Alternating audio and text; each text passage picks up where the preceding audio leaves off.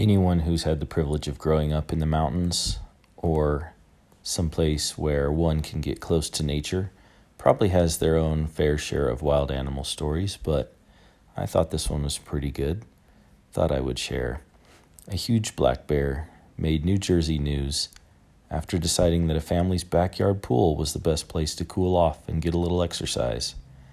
After sneaking up on the sunbathing homeowner and scaring her into the house, the bear had the pool all to himself. After a 15 minute session swimming laps back and forth and splashing around, the bear moved on. Yeah, sometimes they just kind of act like they own the place, and who's going to tell them different, really?